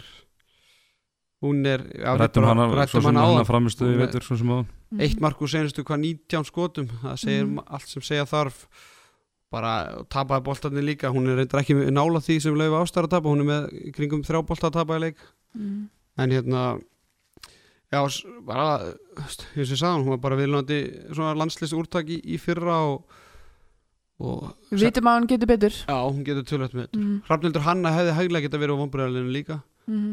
en við þurftum svona að velja á milli laufi ástu eða Hrafnildar og það var svona Já, var svolítið erfitt að sleppa skoðar ástu þegar þú að fara þess að tölfara ég fekk bara sjokk sko. ég fekk bara sjokk. Ég Ég var með þetta líka bara svört og hvíti verið fram að sko, þetta er Nei, ég meina, þetta, þetta var bara líki leikmaður í Íslandsmeistaraliði fyrir hérna einhverjum uh, hvað, Tveim, þremur árum. tveim, þreim árum sko. Þannig að að hún á nóg inni allan, ekki þú morðað þannig. Hægri skittan Þorgjörður hún kemur úr val. Díana Dögg Magnúsdóttir. Þú barðist hart fyrir að fá hana inn í er lið við fengum, já, við fengum nokkar hérna nok- nokkra pósta og mm. ár sömur sem vildi fá hann á úrvarslið Já, hún er, hún er ekki alveg þar í úrvalsliðinu og hún á með sprettina og gæðin sem hún síndi á tímabili í, fyrra, hún var alltaf fáralega góð í fyrra sko. Já, að þá hefðu við búist við hans meira henni eftir eftir þessar umferðir og hérna hún er með lélustu skotinningu í valsliðinu fyrir utan kannski einhverja eitt, tvo leikmenn sem hafa skotað tvísor og, og klikka báðum eða eitthvað. Mhm. er með 2,4 mörka með þetta leik 37% nýtingu. Mm ekki nægilega gott. Ég man líka á einhverju tíma, tímapunkti í fyrra þá átt hún smá svona dán tímabil að hún á eftir að finna svona smá stabiliteti í sín leik finnst mér þó hún hafi átt mjög marga góða leiki í fyrra að þá enda, ennþá miklar vonir við að, að hún komi, komi tilbaka en hún hefur ekki verið að standa undir væntingum svo komið er. Mm. Hægra hodnið, þú barast reynda mikið fá, til að, eh, barast mikið fyrir að fá þessa í, í liðið það er þinn fyrrum samveri Karolina Barens Ég var ekki að berjast fyrir einu en einu að hætti þessu. Heru, hún er með 1,6 já við tölum alltaf um þetta var í áðan 1,6 marka meðatali og 52% skotindíku Já, 11 mörg já það er ekki ég meina Karolina einhvern mann 11 marka á einhvern mann í einhver leik líklega sko að Já, hún er mikill markaskorari og, og nýtir færi sín oftast mjög vel þannig að hefur ekki verið að gera það og hefur ekki verið að fá sín svona auðveldu, auðveldu færi og ég held að það sé svolítið að mögulega böggana. Og hérna já, hún á bara fullt inni. Línumæðurinn. Þetta er svolítið aðeinsvært Já, Línumæðurinn í vonbreiðarleginu er líka í úrvarsliðinu það er Anna Úrsula Guðmundsdóttir En þannig erum við engungu að horfa á sóknarleikin hann eru bara að horfa á sóknarleikin mm. sko ég, ég og Tokka skoðum þetta svolítið mikið en, en Tokka svona vildi endilega velja hannu Nei, við bara við skoðum línumenni í öðru liðunum og, og línumenni eru bara heilt yfir að standa svo vel standa sem gríðarlega vel mm mm. Steinu Björnstur búin að vera frábær Arnar Sigur búin að frábær -hmm. uh, Ragnar Sveins í haugum búin að góð Ástís Gummus í K.A. Þór búin að vera virkilega góð Perlan alltaf bara frábær þannig að Mhm. þetta er bara Anna Úrsula er bara eiginlega svona eiginlega valin bara því að aðrir hafa verið betri sko. Já, Þetta er því að var ekki valdi mörgum vombriðum í vetur sko. Hún Nei, er búin að vera frábær varnarlega og, já, og hérna en, en samt sem aður hún er í þessu vombriðalið þetta er aðtiklisvert Tjóttur Ingi Pálmarsson þjálfari vombriðaliðsins það er tvei sekundi greina. Gusti Jó eða Hrafnaldur skóla Já. en Það var Tokka vildi velja Nei. Eh, Það er Sebastian Alessandarsson Það var hann, var, var hann sem kúti greina Örd Trastason já en Tokka vildi basta En Hættu basta þessu. að þú vilja grafa undan hún svo hún geti tekið við stjörnunni fáðu breykið. Það- ég vinn í mýrinni sko, ég er að Já. þjálfa ég þarf að mæta hann okkur minnstu já, degi það sko, er svo gerir grein fyrir þægilegt að þú geti bara tekið beint við þessu en af þegar hverju, hann af fer. hverju vildi það basta frekar en örd þú valdir hann. Arnanda, þú getur bara að svara þessu spurningu sjálfur. Það er lítið teater ég, ég, veist, mér veist Örd Trastar alveg jafn líklegur þú veist, hann er búin að vera með sitt besta lið ég meina, segir sér bara sjálf þetta eru tvö neðstu Já. liðin í deildinni og sem eiga að vera miklu betri heldur en þeir eru búin að vera og það er bara ég meina Örd er með tvo landslismenn sko augljóst að já, þessu já, en það er bara munur að, að jú, þú tapar og tapar og ert inn í leikjum heldur en að vera að tapa með sko átjón Já, já, það er ekkert mörgum að- og það er ekki þetta hvert það er líka bara það er skipt hvernig þú tapar. Og bara þegar þú þurfti að velja á milli þeirra höfðingja þá, það valdur basta þá bara þurfti ég að velja hann Við þökkum mm. tókum, Tóka, þetta var virkilega vel, þetta. vel, Það er unni, vel unni hjá þér. Herðu, við við þurfum ekki að segja þessu gott. Það er þetta, Já. ólýsteldin það er svolítið það er, Já, svolítið, við förum samt bara yfir leikinni næstu umferð. Já, Ólstælda Kvenna, þeir fara ekki fyrir á þriðdæn uh, og Sturlandi koma þá vantarinn á kúlbett einhvern tíðan bara á lögða sundagflis vonandi. Uh, þeir eru allir á þriðdæn það er í TM höllinni Stjarnan IBVF í framhúsinu fram Selfoss í Orgu höllinni Valur Káþór og í Sjenkan höllinni Haukar Háká Tóka, áhuga, áhuga verðasti leikurinn þarna Stjartan í, nei, hvað? Valur Káþór já. Og hvað sér fram Selfoss. Fram Selfoss. Selfoss, IBVF já, Fram er alltaf búin að tapa tveim leikjum eða ekki? Í rúið Fram, já, já, já. Já, ég held að fram taki samt Telfoss mm um, það verður frólægt að sjá hvað Káa Þór gerir í, í Orrikvöllinni móti val. -hmm. þannig að ég myndi tippa að Það það er svona, já, mest áhugaverðasti leikurinn. Já, en En þetta er, svona að- ég meina haukar háká líka en alltaf bara minna tveim stöðum á þessu og ef haukarnir vinna það þá er það konar fjóru stöðum yfir háká þá er þetta orðið svolítið lengra bíl og milli eins og við tölum um áðan sko þannig að mm þetta er svo frekar um við hafa sagt. Algjörlega, en það er ennþá eh, einhverju fimm dagar í þetta. Uh, uh, ætlum að fara þá yfir næstu leiki Ólitsir Kalla og Stulana á The Greatest Bets in the World Cool Bet Tóka, þú ekki að betta það? Nei, ég bara gefur svona ráð. Það Já, var mjög jafntefnisráðið þitt Það eru mjög margir búin að leita til mín. Þú náttúrulega Ég ætla ekki að nefna neina upp fegst stöðu letlu þarna á jattefli í Valur. Nei, íbjöð Það Valur þarna um glemtist allt daginn. í umræðinni Glemtist um ræðinni En við glemum því ekki og höldum því hér með á, lofti. Herðu Grótt og Akureyri á sunnudaginn klukkan fjögur í allt og litla húsinu á Seldarnesi Það er 1.83 á Gróttu 2.25 á Akureyri uh, á sunnudaginn klukkan fjögur sumulegis á Selfossi. Selfoss K 1.20 á krakkan í Selfossi og 6.50 á útisigur uh, Káa að klukkan halv átta á sunnudaginn stjarnar fram 1.9 á stjörnuna 2.20 á fram. Klukkan átta á sunnudaginn í Mosó virkilega áhugaverður leikur þar að ferð. Afturhelding FH 2.10 afturheldingu 1.95 á FH uh, á mánudaginn klukkan átta en ekki síður aðeinsverður leikur IBF Valur 2.05 á IBF 1.95 á Val og á mánudaginn klukkan hálf átta IR Haukar 3.15 á IR 1.50 á Hauka. Sérfræðingur, þú ert með mikla ástriði fyrir að breyta einum dali í tvo, jafnvel þrjá stundum fjóra. Uh, hvaða, hvaða leikir er svona hvaða leikur öskrar á þau, ég þarf að setja á þennan. Herri, ég er búin að setja á tvo leiki saman í seðil. Já, bara búinn, Já, já, það er ekkert verið að tvínu að vita. Það er Selfoss á móti Káa Já, og svo hann er það Hauka sigur á móti Ír þá er svona vonast til að Bergvin og Sveitn Andri séu ekki með í skilar og svo er spurning hvort Elias Báðarsson 80% ávistun heldur Elias Báðarsson fór í bann? Nei, Nei Ég held að Sven, hann og Svenni verða bóðið með. Já, en það er spurning með Svein Andra og Bergvin hann að.